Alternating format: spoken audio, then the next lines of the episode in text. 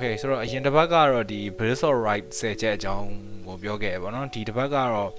အာခေါင်းစဉ်က Citizens Right and Civic Responsibilities ပေါ့ဆိုတော့အကြောင်းကဒီရှေ့မှာပြောခဲ့သမျှအကြောင်းအရာတွေတော်တော်များများကပြည်သူကရရမယ့်ဟာတွေကိုပဲအာပြောခဲ့တာများတယ်။နော်ပြည်သူကပြန်ပေးရမယ့်ဟာကို မပြောသလောက်ကိုရှားခဲ့ပေါ့ဆိုတော့ပထမဆုံးပြည်သူကရမယ့်ဟာကိုပြန်ပြီးတော့ချုပ်ပေးရမယ်ဆိုရင်တော့ပြည်သူကအဓိကအဖြစ်အခြေခံအဖြစ် neutral rights ရတယ်ပြီးတော့ bills of rights တွေဆယ်ချက်ရတယ်ပေါ့နော်ဆိုတော့ bills of rights အပြင်ပေါ့နော် base of right အပြင်ပါဟာတွေကိုကြတော့ဘာလဲဆိုတော့ federal government ကနေပြီးတော့ဒီတခြားပြည်သူတွေရဲ့ rights တွေကိုကာကွယ်ပေးထားတယ်ဆိုတော့ base of right မှာအဓိကအဖြစ်မပါတဲ့ဟာကတော့ဒီ economic နဲ့ဆိုင်တဲ့ဟာပေါ့နော်ပြီးတော့ကြတော့ဒီ rights ထဲမှာ သူက business နဲ့ business နဲ့ဆိုင်တဲ့ဟာတွေလည်းသူကအာပြည်သူကိုကာကွယ်ပေးထားတာမျိုးရှိရပေါ့နော်ပြောရရင်တော့ဟိုကိုပိုင်ဆိုင်မှုကကိုဟာပဲဆိုတဲ့သဘောမျိုးပြီးတော့ကျတော့လူငယ်တွေကိုအမေရိကန်မှာလူငယ်တွေကိုလည်းစီးပွားရေးလုပ်ခွင့်ပေးထားတယ်အဲဒါကြောင့်အာလူငယ်လုပ်ငန်းရှင်တွေဆိုလည်း American မှာဒါများတယ်အဲ့လိုလူမျိုးကိုလည်းသူတို့ကထောက်ပံ့တယ်ဆိုတော့ law ကိုလိုက်နာဒီပြောရရင်တော့ဒီ rights တွေပေါ့နော်အဲ့ rights တွေကိုပြည်သူလူထုရတာမရတာကဒီကိုယ့်ရဲ့ religion age gender ဘာနဲ့မှမဆိုင်ဘူးပေါ့နော်ဆိုတော့ American နိုင်ငံသားဖြစ်ရင်အားလုံးကအဲ့ဒီအခွင့်အရေးတွေတန်းတူပဲရတယ်ဆိုတော့အဲ့ဒါကပြောရရင်တော့ဒီကိုကရတဲ့ဟာတွေပေါ့ကိုကပြန်ပေးရမယ့်ဟာတွေလည်းရှိရပေါ့နော် civic responsibility ဒီခေါင်းစဉ်အစကလေးကကိုပြောခဲ့တယ်ပေါ့နော် civic ဆိုတဲ့အကြောင်းကိုကပြည်သူကရရမယ့်ဟာပြည်သူကပြန်ပေးရမယ့်ဟာဆိုတော့အခုလုံးပြောမယ့်ဟာတွေပြည်သူကပြန်ပေးရမယ့်ဟာတွေလာပြီပေါ့နော်ဆိုတော့ပြည်သူကပြန်ပေးရမယ်ဆိုဘာတွေဖြစ်မလဲဆိုတော့ မြင်တာပါရဲ့အခွန်ဆောင်ရမယ်ပေါ့နော်ဒါပထမဆုံးချက်အခွန်ဆောင်မှသာဒီအခွန်ကိုနိုင်ငံတော်အတွက်ပြန်သုံးတာဟုတ်ဆိုတော့အခွန်ဆောင်ရမယ်ပြီးတော့ military service အတွက်ပေါ့နော်သူတို့နိုင်ငံမှာ session နဲ့ပြင် main ကလေးရောယောက်ျားလေးရောမဖြစ်မနေစစ်မှုထမ်းရတယ်ဆိုတော့ registering for military service လုပ်ရတယ်ဒါကသူတို့ကဒီနိုင်ငံတော်ကာကွယ်လို့ယူဆရပေါ့နော်ဆိုတော့ performing jury service တဘောကတော့ဗျာဟိုကိုကထားပါတော့ပြစ်မှုတစ်ခုခု ကိုနားမှာဖြစ်သွားတယ်ကိုကအဲ့ဟာကိုမြင်လိုက်တယ်ဆိုရင်လိုအပ်ရင်တရားရုံးတက်ပြီးတော့မျက်မြင်သက်သေလုပ်ပေးရမယ်အဲ့လိုမျိုးလိုအပ်ရင်ပေါ့နော်ဒီတရားရုံးနဲ့ပတ်သက်တဲ့ဟာတွေကိုကကူညီရမယ်ပြီးတော့じゃရှေ့မှာပြောခဲ့တဲ့ဒီအမှုတစ်ခုခုကဒီ public ကြားနာဖို့ပေါ့နော်တယောက်ယောက်ကအဲ့တရခံကသူပြစ်မှုကျူးလွန်မထားလို့ public မှာကြားနာဖို့အတွက်တောင်းဆိုလာခဲ့ရင်အဲ့လူရဲ့အမှုက public မှာ တရားကြားနာရမယ်ပေါ့အဲ့လိုကြားနာတဲ့အခါမှာကိုယ်ဖိတ်လာခဲ့ရင်ကိုကမဖြစ်မနေတက်ပေးရမယ်အဲ့ဒါကလည်းဒီ civic responsibility တွေကတစ်ခုပေါ့ နောက်တစ်ခုအကြီးမားဆုံးသောတာဝန်တစ်ခုကတော့ American နိုင်ငံသည်ဒီမိုကရေစီနိုင်ငံဖြစ်တဲ့အတွက်တမတရွေးကောက်တင်မြှောက်တဲ့အခါတော့၎င်းဒါမှမဟုတ်လည်းတမတမှာမဟုတ်ပါဘူးဒီ House of Representative တွေ Senate တွေရွေးချယ်တင်မြှောက်တဲ့အခါမျိုးမှာ voting ကိုမဖြစ်မနေလုပ်ပေးရမယ်အဲ့ဒါမှဒါပြည်သူကတင်မြှောက်တဲ့အစိုးရဖြစ်မှာဒါကတော့မြန်မာနိုင်ငံမှာလည်းကြားဦးမှာပါဟိုရန်တော့ဆိုရင် vote တွေအလေလွင့်ဖြစ်မှာဆိုလို့ဆိုပြီးတော့မဲဆွဲကန်ဒီအောင်ဘယ်လိုပြောမလဲဒီ ရွေးကောက်ပွဲကျင်းပကန်ဒီဆိုရင်မြန်မာနိုင်ငံမှာကျတော့ဟိုဘယ်ပါတီကိုမဲထည့်ပါဆိုပြီးတော့လောက်ရတာတောင်နည်းနည်းသိရမလားဟိုမဲတွေ waste မဖြစ်ကြပါစေနဲ့ဆိုပြီးတော့ဟို educate တိတ်မဖြစ်တဲ့လူတွေကို educate လုပ်ရတာများများဖြစ်နေရပေါ့နော်မြန်မာနိုင်ငံမှာဒါပေမဲ့ဒီ American မှာလည်းသိရသလောက်ကတော့ဒီသူတို့နိုင်ငံမှာနှစ်တိုင်းမဲ waste တွေကတော်တော်များတယ်လို့ပြောတယ်ဒါကတော့နိုင်ငံတိုင်းဖြစ်နေတဲ့ကိစ္စပေါ့နော်ထားပါတော့ဆိုတော့အဲ voting ကလည်းဒီ civic responsibility တွေကတခုပဲဆိုတော့ ရှေ့ episode မှာပြောခဲ့ဒီ27 amendment ရှိတဲ့ထဲကနေမှ၄ခုကကျတော့ဒီ voting နဲ့ပတ်သက်တဲ့ဟာပေါ့နော်သူတို့ပြင်ပြင်ခဲ့တာ amendment ဆိုတာ law ကိုပြင်တဲ့ဟာကိုရှေ့မှာရှင်းပြပြီးသားပါဆိုတော့အာအဲ့အဲ့ပြင်တာဒီထဲမှာတော့အသေးစိတ်ပြောမထားပါဘူးသူကဘယ်လိုလဲဆိုတော့ဟိုးရင်တော့ဒီယောက်ျားလေးအာ16နှစ်ပြည့်ပြီးသား ယောက်ျားဆက်ရှင်နဲ့ပြည်ပြီးသားယောက်ျားလေးလူပြိုတွေပဲမဲပေးရမယ်ဆိုပြီးရှိခဲ့တယ်အဲ့လိုကနေတဖြည်းဖြည်းပြင်းလာပြင်းလာရင်ကနေပြီးတော့ဆက်ရှင်နဲ့ပြည်ပြီးတဲ့ယောက်ျားလေးတိုင်းမဲပေးရမယ်ဆိုပြီးဖြစ်သွားတယ်နောက်ကြတော့အကုန်လုံးတန်းတူမဲပေးခွင့်ရှိတယ်အဲ့လိုမျိုးတစ်ဆင့်တစ်ဆင့်ဆင်ကဲပြောင်းလဲတာလေးဖြစ်တယ်ပေါ့နော်အဲ့တော့ amendment ၄ခုကအဲ့လိုမျိုးတစ်ဆင့်ဆင့်ပြောင်းလဲလာတာ ဆိုတော့ပြီးတော့နောက်တစ်ခုကဒီမဲပေးဖို့အတွက်ကုန်ကြစရိတ်ပေါ့နော်အဲ့လိုဘာပြားတစီမှာပြီးသူကကုန်ကြမလို့ government ကပဲတာဝန်ယူပြီးတော့လုပ်ရတယ်ဆိုတော့ဒါကတော့ citizen တွေကရမယ် rights နဲ့ပြန်ပြီးတော့ပေးရမယ် responsibility အကြောင်းကိုအကြမ်းမြင်ပြောလိုက်တာပေါ့ခုဒီရရှိပြောမဲ့အကြောင်းအရာတွေကဒီ ပြောရရင်တော့ election နဲ့ပတ်သက်တဲ့ဟာတွေအကြောင်းပြောတော့မှာပေါ့နော်ဆိုတော့ election နဲ့ပတ်သက်တာတွေပြောရင်မပါမဖြစ်ပြောရမှာတော့ political parties တွေပေါ့မလို့ဆိုရင်တော့ဒီဝင်ပြိုင်မဲ့အာနိုင်ငံရေးမှာဝင်ပြိုင်မဲ့ party တွေပေါ့ဆိုတော့အခုပြောမဲ့ခေါင်းစဉ် political parties ဆိုတော့ political party ဆိုတာဒီဘက်ခေတ်မှာမှရှိလာတာမဟုတ်ဘူးပေါ့နော်ဟိုးအရင်ခေတ်တွေကလေးရှိရအဲ ဆိုတော့ထားပါတော့ political parties ကိုဘာလဲဆိုတာကိုရင်ပြောပြမယ်ဆိုတော့ political party ဆိုတာကတော့သူကနိုင်ငံပေါ်မူတည်ပြီးတော့သူ့ရဲ့အရေးပါပုံပုံစံမျိုးတွေကတစ်ခုနဲ့တစ်ခုတော့ကွဲတယ်ပြောရရင်တော့သူတို့ကသူတို့ရဲ့ရည်ရွယ်ချက်ကတစ်ခုပဲသူတို့ပါတီအနိုင်ရဖို့ပဲပြောရရင်တော့ to seek power ပေါ့နော်ဟိုသူတို့ party အနိုင်ရသွားပြီဆိုရင်သူတို့ power ရသွားမယ်ပေါ့နော် influence ရသွားမယ်ဆိုတော့ government ဖွဲ့ခွင့်ရသွားမယ် table နေရာရသွားမယ်ပေါ့ဆိုတော့အဲ့ဒီအဲ့လိုမျိုးဖြစ်အောင်အဲ့လိုအနိုင်ရအောင်လုပ်ရတဲ့ အဲ့လိုမျိုးအနိုင်မရခင်မှာစ조사ကြရတဲ့ party party ပေါ့နော်အဖွဲ့အစည်းတစ်ခုအဲ့ဒါကို political parties တွေလို့ခေါ်တယ်ဆိုတော့ political parties တွေကဟိုးရင်တော့ကြရရှိခဲ့တာပေါ့နော်ဒီ US မှာဆိုရင်ပြီးတော့မြန်မာနိုင်ငံနဲ့ရှင်ပြီးတော့တစ်ချက်ပြောပြမယ် US မှာဆိုရင်ဟိုးလွန်ခဲ့တဲ့အစောပိုင်းကြရ political parties တွေရှိတယ်အာဒီဘက်ခင်နဲ့တော့မတူဘူးပေါ့နော်ဆိုတော့ဒါပေမဲ့အာ political parties တွေထဲမှာ political parties တွေရဲ့အဓိကအကြောင်းအရာကတော့သူတို့မှာဟိုတစ်ဖွဲ့နဲ့တစ်ဖွဲ့နဲ့အမြင်ချင်းနေပြီးတော့ပြည်သူကိုလှုပ်ပေးပါမယ်ဆိုတော့ပြောတဲ့ issue တွေပေါ့နော်ဂတိတွေလည်းမတူကြဘူးအဲ့ဒါကြောင့်မဲဆွဲတဲ့ကာလဆိုရင်တော့သိမလားဟိုဘသူကဘာလုပ်ပေးပါမယ်ဘသူကဘာလုပ်ပေးပါမယ်ဆိုပြီးတော့ဟိုဂတိတွေကိုတယောက်တစ်မျိုးရှင်းရှင်းဝေအောင်ပြောပြီးတော့မဲဆွဲကြရပဲဆိုတော့သူတို့ပြောပြောချင်တဲ့သဘော target audience ပေါ့နော်အရင်စကားနဲ့ပြောမယ်ဆိုရင် target audience မတူဘူး သူတို့ American ရဲ့ဟိုးအစောပိုင်း US မှာဆိုရင်လည်း contemporary ဖြစ်ခဲ့တဲ့ဒီအဓိကအတွေးခေါ်နိုင်ငံရေးအတွေးခေါ်ပညာရှင်နှစ်ယောက်ရှိရပေါ့နော်သူကတော့ Thomas Jefferson နဲ့ Alexander Hamilton ပေါ့ဆိုတော့ Thomas Jefferson နှစ်ယောက်လုံးကတမရမဟုတ်ဘူး Thomas Jefferson ကသူကဒီ Secretary of ပထမဆုံး Secretary of State ပေါ့နော်အာ Alexander Hamilton ကျတော့ပထမဆုံး Secretary of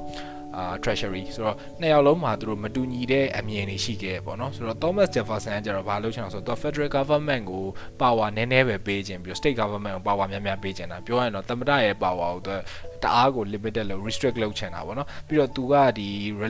နိုင်ငံတွေအချင်းချင်း relationship လုပ်တဲ့အခါမှာလဲသူက French နဲ့ France နဲ့ကိုပို့ပြီးတော့အာလုပ်ချင်တယ် Alexander Hamilton ကျတော့ဖြောင်းမြန်သူကဒီ ပြောတော့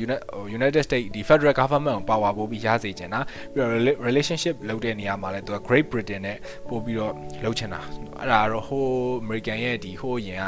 ဒီ party ပေါ့နော် party ဒီအတွေးခေါ် contemporary ဖြစ်ခဲ့တဲ့ဟာနှစ်ခုဆိုတော့ဒီနေ့ခေတ်မှာတော့ United States မှာအားလုံးလည်းသိကြတဲ့အတိုင်းပဲ Democrat နဲ့ Republican ဆိုပြီးတော့ သူကနှစ်မျိုးရှိနေပြီဟောနှစ်မျိုးရှိတယ်ဗောနော်ပါတီဆိုတော့အဲ့နှစ်ခုပဲရှိတာလားဆိုတော့မဟုတ်ဘူးအမေရိကန်မှာအာဒီရွေးကောက်ပွဲလုပ်ပြီဆိုရင်ပါတီဒီအများကြီးပြိုင်တယ်ဒါပေမဲ့နောက်ဆုံးကြံတာကတော့အဲ့နှစ်ခုပေါ့နော်အဲ့နှစ်ခုကပဲနှစ်တိုင်းအပြိုင်ဆိုင်ဖြစ်တာပေါ့နော်ကိုပီဒေးတွေတော်တော်လေးဖြစ်တယ်တစ်နှစ်ကဟိုဟာနိုင်လိုက်ဒီဟာနိုင်လိုက်အဲ့လိုပဲတစ်လှည့်စီသွားတာဆိုတော့တစ်လှည့်စီဆိုတာဟိုတစ်လှည့်စီဖြစ်နေတာပါဟိုတမင်းတစ်လှည့်စီမဟုတ်ဘူးပေါ့နော်ဟိုပြောရရင်တော့ကွန်ပီတေးတစ်အရန်ဖြစ်တယ်အဲ့ပါတီနှစ်ခုကဘယ်လိုကွာလဲဆိုတော့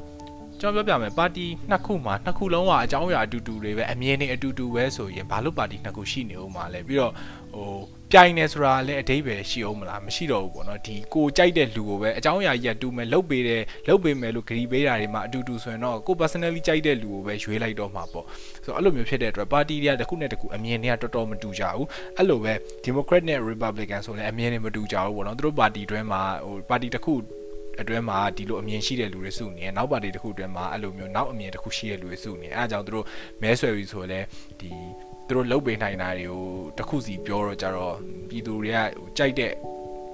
ကြိုက်တာသူတို့လိုချင်တာကိုချိန်ပြီးတော့မဲပေးတဲ့အတွက်တစ်ခါနိုင်လိုက်တစ်ခါနိုင်လိုက်အဲ့လိုအပြန်အလှန် committee တွေဖြစ်နေတာဆိုတော့ခြုံပြီးပြောရရင်တော့ democrat တွေကသူက liberal ဖြစ်တယ်ပြောရရင်တော့ဒီဟို လက်ရာတို့လက်ဝဲတို့အယူအဆနဲ့ပြောရင်တော့လက်ဝဲပိုဆန်တယ်ဗောနော်လက်ဝဲအယူအဆဆန်တယ်သူကပြောရရင်ဟိုနိုင်ငံရဲ့ law တွေပြီးတော့ liver အလုပ်သမားတွေအဲ့လိုဟာမျိုးတွေကိုပြီးတော့ social programs တွေအာ strong government run ဗောနော်ဒီပြောရရင်တော့အဲ့အဲ့လက်ဝဲယူဆလက်ရယူဆဆိုတော့နားလဲရင်တော့မြင်သားရပေါ့နော်ဆိုတော့အဲ့လက်ဝဲယူဆဘက်ကိုပို့ပြီးတော့ဝယ်တယ် Republicans တွေကကြတော့ conservative ပို့ဖြစ်တယ်ဟိုလက်ရယူဝါဒပို့ဆန်တယ်သူတို့ကကြတော့ဟို စီးပွားရေးပိုဆန်တယ်ပေါ့နော်ပြောရရင်စီးပွားရေးကိုပို့ပြီးတော့အာသူတို့က business owner တွေ manager တွေ private solution တွေအဲ့လိုအဲ့လိုမျိုးပြောရရင် social problems တွေကိုပို့ပြီးတော့အသားပေးရဆိုတော့ကြားဘူးလားတော့မသိဘူးကျွန်တော်တော့အရင်အရင်မဟုတ်အဖေလားမသိဘူးပြောလို့ကြားဘူးတယ်ဟိုဒီဒီတိုင်းလိုရင်းတို့ရှင်းပါပဲအဓိကကတော့ဒီအခုကျွန်တော်ခုနပြောလိုက်တဲ့ဟာပဲဒါပေမဲ့လွယ်လွယ်ကူကူအရင်စကားနဲ့ဆိုရင်တော့အဖေကအဲ့တော့ပြောတာဒီ democrat တွေကဟို ငြိမ်းချမ်းရေးပိုဆန်တယ်တဲ့ဟို Republican တွေကပို့ပြီးတော့စီးပွားရေးဆန်တယ်ပေါ့နော်ဆိုတော့အဲ့ဒါကြီးကဓာတ်ရိုက်ဓာတ်ရိုက်တော့လည်းမမှန်ဘူးဒါပေမဲ့မှန်တော့မှန်တယ်အဲ့သဘောပဲပေါ့နော်ဒါပေမဲ့ဒီ Democrat တွေကဟိုငြိမ်းချမ်းရေးပိုဆန်တယ်ရေတော့မဟုတ်ဘူးဒါပေမဲ့လက်လက်ဝဲယူစာပေါ့ပြောရရင်တော့သူတို့မှာဒီစီးပွားရေးကိုဟို တိုးတက်အောင်လုပ်ပြီးတအားကြီးအရင်ဟို serious မဖြစ်တာပေါ့အဲ့တော့နည်းနည်းငြိမ်းချမ်းရေးကိုပိုဆန်တယ်ဟိုခြုံပြောရင်တော့လည်းတစ်ဖက်ကကြည့်ရင်တော့လည်းမှန်တယ်လို့ပဲပေါ့ဆိုတော့အဲ့လိုမျိုးဒီပြောကြရဲပေါ့ဆိုတော့တကယ်လည်းဟုတ်တယ်အဲ့လိုပဲဒီ Democrat တွေကလက်ဝဲယူစာပိုဆန်တယ်ဒီ Republican တွေကလက်ရယူစာအာပိုဆန်တယ်ပြီးတော့အခုပြောမယ့်ဟာ political parties in the United States ပေါ့ဆိုတော့ဒီဇယားကိုတော့ဒီစောက်ထဲမှာတော့ဇယားနဲ့လာတာအသေးစိတ်မပြောတော့ဘူးပေါ့နော်ဒီပြောရရင် ဘာအကြောင်းနေလဲဆိုတာလောက်ပဲပြောမယ်ပေါ့အသေးစိတ်ကြီးမပြောတော့ဘူးသူကကြတော့ဒီပါတီတွေကခုနရှေ့မှာပြောခဲ့တဲ့အတိုင်းပဲသူတို့မှာသူတို့ each party have the each issue ကွာဒီလားဆိုတော့သူတို့မှာရှိပြီးသားပြောရရင်တော့သူတို့ရဲ့ခံယူချက်သူတို့ရဲ့အယူအဆရှိပြီးသားဆိုတော့ပါတီတွေကွဲတာလည်းအဲ့ဒါကြောင့်ပါတီတွေသာအမြင်ချင်းတွေအတူတူအကုန်လုံးလှုပ်ပေးမှချင်းတွေအတူတူဆိုရင်ဘာမှပါတီတွေကွဲစရာလည်းအကြောင်းမရှိဘူးအဲ့တော့ ဒီပါတီမှာပြောထားဒီဇယားမှာပြောထားတော့လွန်ခဲ့တဲ့နှစ်ပေါင်း1900ကျော်လောက်ကနေစပြီးတော့ပါတီတွေကွဲခဲ့တဲ့ဟာဟိုပါတီတွေဘယ်နှမျိုးရှိလဲ major party တွေဘယ်နှခုရှိလဲ minor party ဘယ်နှခုရှိလဲအဲ့မှာ major party တွေရဲ့ important issue ပေါ့နော်သူတို့ရဲ့အဓိကကွဲလွဲတဲ့ဟာတွေကဘာတွေလဲဆိုတော့ပြောတာဒီမှာဆိုလဲဘာမှထွေထူးမဟုတ်ဘူးပေါ့နော်1989နေ1992ထိက federalist နဲ့ anti federalist ဆိုပြီးတော့သူတို့ပါတီနှစ်ခုရှိရပေါ့ major party နှစ်ခုရှိရအဲ့ဒါမှမှသူတို့ကဒီ power of federal government နဲ့ state လို့ပဲဟို federal government power ကြီးမလား state က power ကြီးမလားဆိုတဲ့ဟာကိုနှစ်ခုကအားပြိုင်နေပြီးတော့ base of right နဲ့ပတ်သက်တာတွေအားပြိုင်နေပေါ့ဆိုတော့ federal နောက်1990 92နဲ့1826လောက်ရောက်တဲ့အချိန်မှာ federalist ရဲ့ democratic republican ရဲ့ဆိုပြီးတော့နှစ်ခုဖြစ်သွားတယ် Federalist တွေကကြတော့သူက Hamilton ရဲ့ plan ကို support လုပ်တယ်အဲ့ဒီအတွက်သူက Great Britain ကို support လုပ်တယ်ဟိုပို့ပြီးတော့ဟို relationship လုပ်ချင်တယ် France ကိုသူတို့ကမကြိုက်ဘူးပေါ့နော်အာပြီးတော့ဟို national government ကပို့ပြီးတော့အာဏာရရမယ်ဆိုပြီးတော့ယုံကြည်တယ်ဒါရှေ့မှာပြောခဲ့တဲ့ဟာပါပဲဒီ Democrat Republican ကတော့ Thomas Jefferson ရဲ့ plan ကိုဟွာလုပ်တယ်ပေါ့နော်ထောက်ခံတယ်ပေါ့အဲ့တော့ခုနဟာနဲ့ဖြောင်းမြန်ပေါ့အဲ့လိုအသေးစိတ်ပြောနေတော့ပြောကြတော့သူတို့နောက်မှဒီ Civil War မဖြစ်ခင်ကဒီဟိုကျွန်ကိစ္စနဲ့ပတ်သက်ပြီးကျွန်နေဆက်ထားမလားမထားဘူးလားဆိုတာနဲ့ပတ်သက်ပြီးတော့ကွဲခဲ့တဲ့ပါတီတွေလည်းရှိတယ်ခေတ်ဆက်ဆက်ပေါ့သူတို့မှသူတို့ရဲ့ user ချက်နဲ့သူတို့ issue နဲ့သူတို့ပါတီတွေ contemporary လုပ်ခဲ့တဲ့ဟာတွေအကြောင်းပြောထားတာပေါ့နော်ဆိုတော့အဲ့ဒါကိုအသေးစိတ်မပြောတော့ဘူးဆိုတော့အခုဒီကဆက်ပြောမှာကျတော့ political campaigns elections and the electoral process ပေါ့နော်ဒီသမ္မတရွေးကောက်တင်မြောက်ပွဲသမ္မတရဲ့လို့မဟုတ်ပါဘူးဒီရွေးကောက်ပွဲလုပ်တော့မယ်ဆိုရင်ပေါ့ဘယ်လို process တွေလုပ်လဲ political campaigns တွေကပါလဲ election ဘယ်လိုလုပ်လဲ process ကပါရည်လဲအဲ့ဒါအကြောင်းအခုဒီ topic ကပြောပြမှာပါအားလုံးလည်းသိထားပြီးသားအတိုင်းပဲအဓိက main elections က၄နှစ်တစ်ချိန်လုပ်တယ်အာ main elections လို့ပြောတဲ့သဘောကသူကဟိုဒီ senate တို့ပြီးတော့ house of representative တို့ရွေးတာတွေကလည်းနှစ်နှစ်တစ်ချိန်ရှိတာ哦 အာ senate ကတော့6နှစ်เนาะဟို house of representative ကအာနှစ်နှစ်ဒါပေမဲ့ senate 6နှစ်ကလည်းသူကဟို6နှစ်တစ်ချိန်မဟုတ်ဘဲနဲ့ဟိုအလှည့်နဲ့လှုပ်ပြီးတော့နှစ်နှစ်တစ်ချိန်ပဲတလှည့်စီကျင်းပါတယ်ဆိုတော့အရှိမရှင်းပြခဲ့ပြီးသားပါဆိုတော့အဲ့လိုဖြစ်တဲ့အတွက်ဒီ လေးနှစ်တစ်ချိန်သမ္မတရဲ့အဓိက main ရွေးကောက်ပွဲကြီးလှုပ်တိုင်းဟို senator တွေရော representative တွေအဝင်ရွေးခံတယ်ပေါ့အဲ့ဒါဘာလို့လဲဆိုတော့သိပြီးသားဖြစ်မှာပါဟို၄နှစ်ကမကြိုက်ဘူးဆိုပေမဲ့နှစ်နှစ်တစ်ချိန်လှုပ်တဲ့အဖွဲ့လည်းရှိတယ်ပြီးတော့6နှစ်သမားတွေကလည်းနှစ်နှစ်တစ်ချိန်အလှည့်နဲ့လှုပ်တာဆိုတော့အဲ့ဒီ၄နှစ်တစ်ချိန်သမ္မတရွေးကောက်ပွဲကျင်းပတိုင်းမှာ senator တချို့ရော representative တချို့ရောဝင်ပြီးတော့အာရွေးကောက်ပွဲပြိုင်တယ်ပေါ့ဆိုတော့ okay ဆိုတော့ party stay ကဘာလုပ်လဲဆိုတော့ဒီနေရာမှာပြောရအောင်မယ်ပေါ့နော်ဆိုတော့ရှေ့မှာလည်းနည်းနည်းအချင်းချုပ်ပြောခဲ့ပြီးသားပါ party stay ကတော့သူတို့အလုပ်ကဒီသူတို့ရဲ့အာ candidate ကိုနိုင်ဖို့အတွက်ပဲအဓိကလုပ်တယ်ဆိုတော့ party stay ရဲ့တက်တန်းကဘယ်လောက်ရှိလဲဆိုတော့တက်တန်းဆိုတဲ့နေရာမှာဒီနေရာမှာပြောချင်တာဒီ party ကြီးကိုစထောင်ခဲ့တဲ့ established date ကိုဆိုလို့ချင်တာတော့မဟုတ်ဘူးပေါ့နော်ဒီ party ရဲ့ဟိုတက်အသက်ဝင်တဲ့တက်တန်းကဘယ်လောက်ရှိလဲဆိုရင်ရွေးကောက်ပွဲမလုပ်ခင်ထိပဲရှိရယ် ရွေးကောက်ပွဲမလုပ်ခင်ထိဆိုတဲ့အဓိပ္ပာယ်อ่ะသူကဟိုရွေးကောက်ပွဲမလုပ်ခင်မှာတော့သူတို့ရဲ့အဓိက main တာဝန်ဖြစ်တဲ့သူတို့ရဲ့ candidate ကိုနိုင်မှုအတွက်အဓိကလုပ်ရတယ်ဒါပေမဲ့ရွေးကောက်ပွဲမှာသူတို့ candidate ကနိုင်သွားပြီဆိုရင်လည်းဒီ party ရဲ့သူတို့အလုပ်ကဘာမှမရှိတော့ဘူးဒါသူတို့ရဲ့ goals ကိုသူတို့အလုပ်ပြီးပြီတာဝန်ပြီးပြီ duty ပြီးပြီပေါ့ တကယ်လို့ရှုံးသွားတယ်ဆိုရင်လည်းဘာမှလုပ်လို့မရဘူးသဘောကတော့ရွေးပေါက်ပွဲရွေးကောက်ပွဲမလုပ်ခင်မှာပဲ party stay အနေနဲ့ကလှုပ်ရှားလှုပ်ရှိရရွေးကောက်ပွဲပြီးသွားပြီတမရရွေးပြီးပြီဆိုတာနဲ့သူတို့အလုပ်ဘာမှမရှိတော့ဘူးနောက်တစ်ချိန်ရွေးကောက်ပွဲနီးတော့မှသူတို့အလုပ်တစ်ခါပြန်ရှိတယ်ပေါ့နော်ဆိုတော့အဲ့သဘောဆိုတော့ဒီမှာမြန်မာနိုင်ငံနဲ့ရွေးကောက်ပွဲလုပ်တဲ့နေရာမှာကွာတာတခုอ่ะပေါ့နော်မြန်မာနိုင်ငံမှာရွေးကောက်ပွဲလုပ်တယ်ဆိုရင်သူ့ပြည်နယ်လိုက်ထားပါတော့ဒီရန်ကုန်မှာဆိုရင်သူမျိုးနယ်အများကြီးရှိတယ်ပေါ့အဲ့မျိုးနယ်တွေကနေပြီးရွေးလိုက်တယ်ရွေးလိုက်ပြီးတော့ ဟိုမှာထားပါတော့တချို့ဆိုဒီမျိုးနယ်မှာနိုင်တယ်ပြီးတော့မှဒီမျိုးနယ်မှာမနိုင်ဘူးအာဟိုမျိုးနယ်မှာနိုင်တယ်ပြီးတော့မှ average ပြန်ချပြီးတော့မဲရည်အတွက်ဘလောက်အတာနဲ့နိုင်သွားတယ်ဆိုပြီးတော့မြန်မာနိုင်ငံမှာလှုပ်တာ သူတို့မှာတော့အဲ့လိုမဟုတ်ဘူးပေါ့နော်ဒီတိုင်းပါတီကိုပဲရွေးကောက်လိုက်တယ်ရွေးကောက်လိုက်ပြီးတော့အဓိကတယောက်သူတို့ရဲ့ candidate တယောက်ကပဲသမ္မတဖြစ်သွားတယ်အဲ့ဒီသမ္မတကနေမှဟိုးရှေ့တော့ဒီ cabinet တွေအကြောင်းပြောခဲ့တော့လည်းပဲသူသမ္မတကပဲဒီ judiciary တွေကဟာတွေခံတာတွေပြီးတော့ဒီဗာလဲ cabinet ဒီဝန်ကြီးချုပ်တွေကိုခံတာတွေကိုသူကပဲဆက်လုပ်သွားဆိုတော့ process ကနည်းနည်းတော့ကွာတယ်နောက်ထပ်ကွာတဲ့ process တစ်ခုရှိသေးတယ်အဲ့ဒါကဒီ တမရရွေးတာကဒီပြည်သူတွေရဲ့ vote ပေါ့နော်ဒီပြည်သူတွေကဓာတ်ရိုက်မဲပေးလိုက်တဲ့ vote နဲ့ဓာတ်ရိုက်မသက်ဆိုင်ဘူးဆိုတော့နည်းနည်းလေးတော့ဒါလေးကနည်းနည်းတော့ရှုပ်တယ်လို့ဖြစ်တယ်ဒါပေမဲ့တန်းနိုင်တယ်လို့တော့ရှင်းအောင်ပြောပြမယ်ပေါ့နော်ဆိုတော့ဒီပြည်သူတွေကပေးတဲ့ vote ကို public vote လို့ခေါ်လိုက်မယ်ပေါ့နော်ဆိုတော့ဆိုတော့တမရဖြစ်ချင်းမဖြစ်ချင်းဒီ public vote နဲ့သူကဓာတ်ရိုက်ကြီးမသက်ဆိုင်မဲနဲ့ဘာနဲ့သက်ဆိုင်လဲဆိုတော့သူက electoral college ဆိုတာနဲ့ဆိုင်နေပေါ့နော်ဆိုတော့ electoral college မှာသူက member တွေရှိတယ် အဲ့ member ကသူကဘာနဲ့ညီလဲဆိုတော့ဒီ congress အတွင်းမှာရှိတဲ့ဟာနဲ့သူကညီတယ်အာညီတယ်တော့မဟုတ်ဘူးနီးစပ်တယ်ပေါ့ဆိုတော့ congress အတွင်းမှာကျွန်တော်တို့က representative က house of representative က435ယောက်ရှိတယ် senator က100ရှိတယ်ရှေ့မှာလည်းပြောပြီးသားဒါပြန်နှွှေးပေးရပါတော့ဆိုတော့ house of representative ကဒီ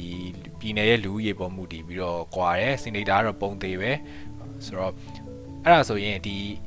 electoral college မှာရှိတဲ့ member ကဘယ်နှယောက်လဲဆိုတော့ ခုန C congress အတွင်းမှာရှိတဲ့ member နဲ့အတူတူပဲဆိုတော့400နဲ့မှာ900နဲ့မှာ35ယောက်အဲ့ဒါမှမှ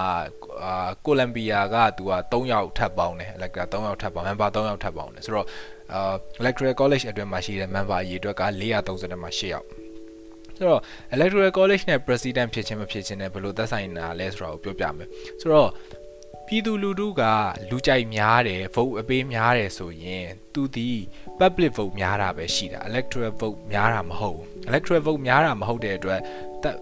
ပြည်သူလူထုကပေးတဲ့ vote များနေခြင်းဒီဟိုဟာဘယ်လိုပြောမလဲတမရဖြစ်ဖို့အတွက်အထောက်အကူမဖြစ်ဘူး ပြောရရင်တော့အဲ့ဒါဆိုရင်ပြည်သူလူထုကိုစင်တာလုပ်တဲ့ဒီမိုကရေစီစနစ်လို့လည်းပြောသေးရဆိုရင်နည်းနည်းတော့ရောစရာရှိရမရောနဲ့ပေါ့နော်ဒီ electoral vote ဆိုတာလည်းပြည်သူလူထုကအာရွေးကောက်တင်မြှောက်ထားတဲ့ကိုယ်စားလှယ်တွေပဲဆိုတော့ပြည်သူလူထုဖြစ်စေချင်တဲ့အတိုင်း electoral vote ကပဲ vote ကလည်းဖြစ်တာပဲအဲ့ဆိုရင်ဘာလို့လာပြောနေရလဲဆိုတော့ဥပမာပြမှာမြင်တာပေါ့နော်ဆိုတော့အခုဥပမာတစ်ခုပြမယ်လောလောဆယ်အဲ့တမနာဖြစ်ခြင်းမဖြစ်ခြင်းက electoral votes နဲ့ပဲဆိုင်နေဆိုတာကိုပထမသိထားရင်ရပြီ ဆိုတော့ဥပမာမပေးခင်မှာပထမအဆုံးသိထားမှာတစ်ခုကမှတ်မိရမှာတစ်ခုက electoral votes ဒီဒီ Senate ဒီ Congress အတွင်းမှာရှိတဲ့ member တွေနဲ့ပုံစံချင်းသဘောတရားချင်းအတူတူပဲဖြစ်တဲ့အတွက်အရေးအတွက်ချင်းအတူတူပဲဖြစ်တဲ့အတွက်ဒီ Congress အတွင်းမှာဆိုရင်လူဦးရေများရင် House of Representative ကများတယ်လေအဲ့လိုပဲဒီ electoral မှာလည်းဒီလူဦးရေများတဲ့နေရာက House of Representative လို့ပုံစံမျိုးပေါ့နော်အဲ့အဲ့အရေးအတွက်များသွားတဲ့အတွက် electoral votes အရေးအတွက် electoral college members အရေးတွေလည်းများသွားမယ်ဆိုတော့မှတ်မှာတခုကတော့ပြည်နယ်ကြီးရင်လူပြည်နယ်ကြီးရတယ်မဆိုင်ဘူးလူကြီးထူတတ်ရင် electoral college အတွင်းက members အရေးတွေလည်းများမယ်လို့ပထမဆုံးတစ်ချက်အနေနဲ့သိထားရမယ်ဆိုတော့အဲ့ဒါပြီးရင် example ဟိုဥပမာတစ်ခုပြလို့ရတယ်အခုပြောမဲ့ဥပမာဒီပုံပြလိုက်မယ်ဆိုရင်တော့လွယ်လွယ်လေးပဲပေါ့ diagram လိုပုံစံမျိုးလေးဗီဒီယိုဖြစ်ဖြစ်တခုခုလက်နဲ့ရှင်းပြလိုက်ရင်လွယ်လွယ်လေးခုက podcast ဆိုတော့နည်းနည်းတော့ပြောရတော့နည်းနည်းခက်တယ်ဒါပေမဲ့တတ်နိုင်တဲ့လောက်ပြောကြည့်မယ် ပေါ့နော်ဆိုတော့ပြည်နယ်၃ခုရှိရထားပါတော့ဗျာအာပြည်နယ် A ရယ်ပြည်နယ် B ရယ်ပြည်နယ် C ရယ်အဲ့ဒါမှမှဒီ population ကပြည်နယ် A မှာ100ပြည်နယ် B မှာအာ30ပြည်နယ် C မှာ20ပေါ့အဲ့တော့ electoral အရေးအတွက်ကိုကြတော့ပြည်နယ် A မှာကျတော့လူ population အများဆုံးဖြစ်တဲ့အတွက် electoral electoral ကလည်းအများဆုံးပဲအာ20ပေါ့ပြည်နယ် A မှာ20ပြည်နယ် B မှာ electoral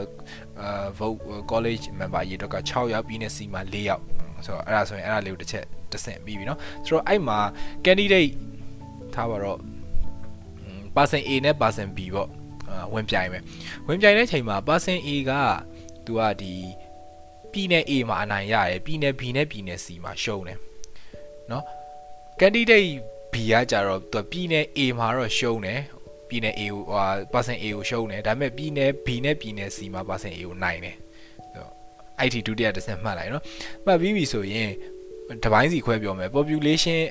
ဘယ်လိုပြောမလဲ public vote အရာဘယ်သူကဘယ်လောက်ရလဲဆိုတော့အရင်ပြောမယ် public vote အရာကသူကပြီးဟိုဟာ person A ကပြည်နယ် A မှာသူက55 vote နဲ့နိုင်တယ်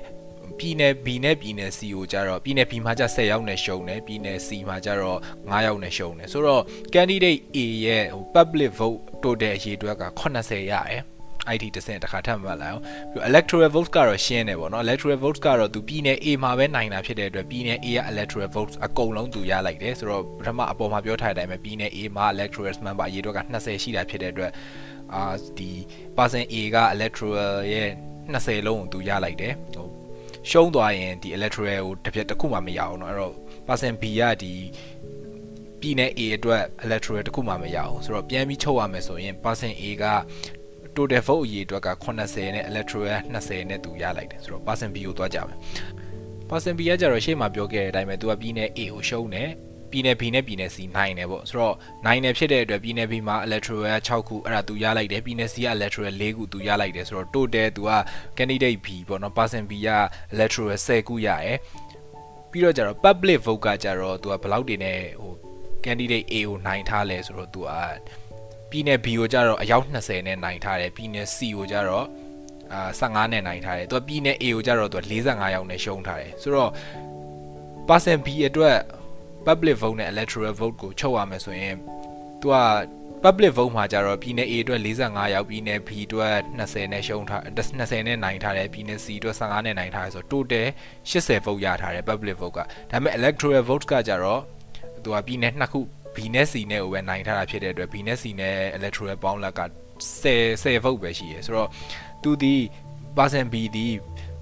ပြည်နယ်အရေးအတွက်နိုင်တာများတော့လဲအဲ့သူနိုင်တဲ့အရေးအတွက်ရဲ့လူဦးရေကနည်းတဲ့အတွက် electoral နည်းပြီးတော့ကြတော့အာ population ဟို public vote အနေနဲ့ကတော့များနေရပေါ့နော်ဆိုတော့အားလုံးခြုံကြည့်လိုက်မယ်ဆိုရင် person A ကကြတော့ လူဟို public vote အနေနဲ့ကြတော့သူကနည်းတယ်80ပဲရတယ်ဒါပေမဲ့ electoral ကသူကပြည်နယ်အကြီးကိုနိုင်ထားတာဖြစ်တဲ့အတွက်သူက20တောင်ရထားတယ်ဒါပေမဲ့ person B ကကြတော့ဒီ public vote အနေနဲ့ကတော့တော်တော်လေးများတယ်ဘာလို့လဲဆိုတော့သူပြည်နယ်နှစ်ခုကိုနိုင်ထားတာ哦ပြည်နယ်နှစ်ခုကိုနိုင်ထားဆိုတော့ public vote အနေနဲ့တော်တော်လေးများတယ်ဒါပေမဲ့ electoral အနေနဲ့ကじゃ30ပဲ10 vote ပဲရှိရယ်ဆိုတော့ तू ကလူကြီး public vote များပြီးတော့ electoral နည်းနေတယ် person A ကကြတော့ public vote နည်းပြီးတော့ electoral များနေတယ်အဲ့ဒါဆိုရင်ဘယ်သူကသမ္မတဖြစ်မယ်လို့ထင်တယ်ဆိုတော့ person A ကသမ္မတဖြစ်သွားတယ်ဘာလို့လဲဆိုတော့ तू public vote ကိုမကြည့်ဘူးပေါ့နော် American မှာ electoral votes ကိုပဲကြည့်ရယ်ဆိုတော့ဒီဖြစ်ပျက်ဒီဘယ်မှာဖြစ်သွားလဲဆိုတော့ Hillary Clinton နဲ့ဒီ Donald Trump နဲ့မှာဖြစ်သွားတယ်ပေါ့နော်ဆိုတော့ Hillary Clinton က तू ကအာဒီ public vote ကိုအများဆုံးရတယ်လူကြိုက်များတယ်ဒါပေမဲ့ Donald Trump ဒီသူ့ရဲ့ဒီနောက်မှာဆက်ပြောပြမယ်ဒီ safe အာအာ place ပေါ့နော်ဒီသူတို့ရဲ့လုံခြုံစိတ်ချရတဲ့နေရာတွေပေါ့ပြောရရင်တော့ဒီမြန်မာလိုလွယ်လွယ်ကူပြောရမယ်ဆိုရင်တော့အမာခံပေါ့ကိုယ့်ရဲ့အမာခံနေရှိတဲ့နေရာရှိရပေါ့နော်ဆိုတော့အဲ့နေရာကနေပြီးတော့သူ electoral ကိုတင်ကြုံယူသွားပြီး Donald Trump ကနိုင်သွားခဲ့တာဆိုတော့အဲအဲ့လိုမျိုးသွားပါတယ်ခုနည်းနည်းတော့တော်တော်တော့ရှုပ်သွားမယ်ထင်တယ်ဒီ podcast ကြီးနဲ့စကားကြီးနဲ့ပြောရတာဆိုတော့ကျွန်တော် အခုဒီ chapter ရဲ့နောက်ဆုံး topic လေးကတော့ဒီ contemporary public policy ပေါ့နော် public policy အကြောင်းပြောမှာ public policy ဆိုတာဘာလဲဆိုတော့ public policy ကိုတိုက်ရိုက်ကြီးအတိတ်ပဲဖွင့်တာထက်ဘယ်လိုဟာတွေက public policy လဲဆိုတော့ဒီဒီကျောင်းနေမှာပေါ့နော် education နဲ့ပတ်သက်တဲ့ဒီကျောင်းသူကျောင်းသားတွေအားလုံးဟိုလူငယ်မှန်သမျှကလေးမှန်သမျှကျောင်းတက်ရဖို့လို့ပြီးတော့ general health care ရဖို့အဲအဲ့လိုမျိုးဟာမျိုးပေါ့နော် public နဲ့ အာဆိုင်တဲ့ policy တွေကို public policy လို့ခေါ်တယ်ဆိုတော့ public policy တွေကို US မှာတော့များသောအားဖြင့် executive branch ကနေပြီးတော့သူတို့လုပ်တယ်ပေါ့နော်ဆိုတော့ဒါမဲ့လုံးယုံနဲ့လည်းမပြီးဘူးပေါ့နော်ဒီ law ဆိုတာဘာလို့မှလဲအဓိကရဲ့ရည်ရွယ်ချက်ကပြည်သူတွေလိုက်နာဖို့ပြည်သူတွေကိုအကျိုးပြုဖို့ဆိုတော့ဒီ law ကပြည်သူတွေတကယ်လိုက်နာနိုင်ရဲ့လားအကျိုးပြုနိုင်ရဲ့လားပေါ့မူတည်ပြီးတော့မှ public policy တွေချတယ် ချတဲ့နေရာမှာလည်းဒီတိုင်းချလိုက်လို့မပြီးဘူးပေါ့နော်တဘောကတော့ public policy ကိုချရတယ် okay ထားပါတော့ဥပမာအမိုက်မပြည့်ရလို့ policy တခုထုတ်လိုက်တယ်ထားပါတော့ဒါပေမဲ့အမိုက်ပြစ်စရာနေရာပေးမထားဘူးအမိုက်ကားတွေမလာဘူးအမိုက်ဘုံတွေထားပေးမထားဘူးဆိုရင်ဒီ law ကြီးကလိုက်နာဖို့အတွက်မဖြစ်နိုင်ဘူးဆိုတော့အဲ့လိုမျိုးပေါ့နော် public policy တခုခုချမယ်ဆိုရင်ချတာရဲ့နောက်မှာသူ့ရဲ့ကုန်ကျစရိတ်တွေရှိတယ် support တွေရှိတယ်အဲ့ဒါတွေအကုန်လုံး government ကနေပြီးတော့အာလုပ်ပေးရပေါ့ဆိုတော့ ခုပြောမှာ interest group ပေါ့နော် interest group ကဒီ public policy နဲ့ဘယ်လိုပတ်သက်လဲဆိုတော့ interest group ကပြောရရင်တော့ NGO ပုံစံမျိုးပဲသူတို့ဒီဒီ government mechanism ပေါ့နော်ဒီအုပ်ချုပ်ရေးရန်နေရာထဲမှာမပါဘူး interest group ဆိုတာဒီဘယ်လိုနဲ့ဥမာပေးလို့ရလဲဆိုတော့ Facebook မှာဒီဝါသနာတူတဲ့ဟာတွေစုထားတဲ့ group ပြီးတော့တခုခုဆိုရင်သူတို့အာ speak out လုပ်တယ်ပေါ့နော်အဲ့လိုအဲ့လိုဟာမျိုးတွေနဲ့တူတယ်သူတို့ဒီ ဒါပေမဲ့အရေးကြီးတဲ့ American မှာတော့အရေးကြီးတဲ့အခန်းကဏ္ဍအနေပါဝင်နေတယ်မြန်မာနိုင်ငံနဲ့ရှင်ပြောရရင်တော့မြန်မာနိုင်ငံမှာတော့ interest group တွေကမရှိသလောက်ပဲ ပေါ့နော်မရှိတော့ရှိရဒါပေမဲ့ဒီ policy ကိုပြောင်းမှုအတွက်ဖွဲ့ထားတဲ့ဒီ interest group တွေမရှိဘူးဒါပေမဲ့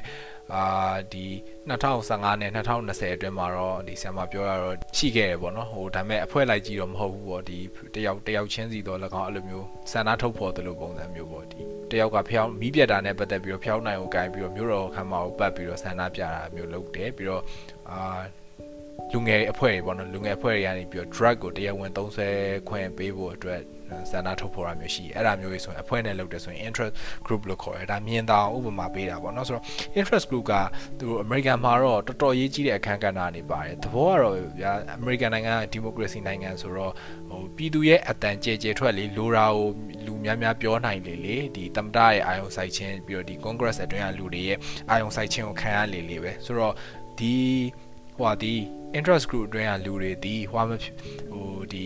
NGO ဖြစ်တော်လဲဒီ government mechanism အတွင်းကိုမပါတော့လဲသူတို့ရဲ့ influence ကတော်တော်ကြီးရဲ့ပေါ့နော်သူတို့ဒါပြင်းပြင်းထန်ထန်သူတို့က serious ဖြစ်တယ်ပေါ့သူတို့လိုချင်တဲ့ policy မရမချင်းသူတို့တောင်းနေမှာဖြစ်တဲ့အတွက်ဒီ senate ဒီ senate တောင်ဖြစ်ပါကြီးဒီ congress တို့တမတာတို့ကသူတို့ရဲ့စကားကိုနားထောင်ရလေရှိရပေါ့နော်လိုက်ရောပေးရလေရှိရအများအများရဲ့သဘောဆိုတော့အဲ့တော့သူတို့ရဲ့ influence ကအာတော်တော်ကိုကြီးတယ်ဒါပေမဲ့သူတို့ဒီ အဲ့လိုလုပ်နေခြင်းဒီသူတို့ဒီဘာခါချင်းငွေမှမရဘူးပေါ့နော်မြန်မာနိုင်ငံလိုတဲ့ဥမာပေးရမယ်ဆိုရင်ပရာဟိတာအဖွဲ့ကြီးနဲ့တူတယ်ပေါ့သူတို့ဒီသူတို့ပတ်စံသူတို့စိုက်ပြီးတော့လုပ်နေတာဆိုတော့ဒီမှာပါဝင်ခြင်းတဲ့လူတွေကလည်းသူတို့ကသူတို့သူတို့သဘောနဲ့သူတို့ပဲပါဝင်တာဆိုတော့အဲ့လိုမျိုး interest group တွေအများကြီးရှိတယ်ဆိုတော့ဒါတော့ interest group တွေအကြောင်းပေါ့မျိုးလုံးနဲ့မြင်သာသွားမယ်လို့ထင်ပါတယ်ဆိုတော့ဒီဟိုကဒီ chapter 1ကပြီးသွားပြီပေါ့နော်တော်တော်လေးများတော့များ episode ၄ခုလားမသိဘူး ဒါနဲ့ဆို9ခုလား4ခုလားမသိဘူးမမှတ်မိတော့ဆိုတော့ဒီအဲ့ထဲမှာကိုယ်မိနစ်30လောက်ကြာဒါလည်းမိနစ်30လောက်ကြာတော့မဆိုမိနစ်30လောက်ကြာတာကနှစ်ခုဆိုတော့တော်တော်တော့များတယ်ဒီ chapter 1อ่ะဆိုပြီးပါပြီနောက်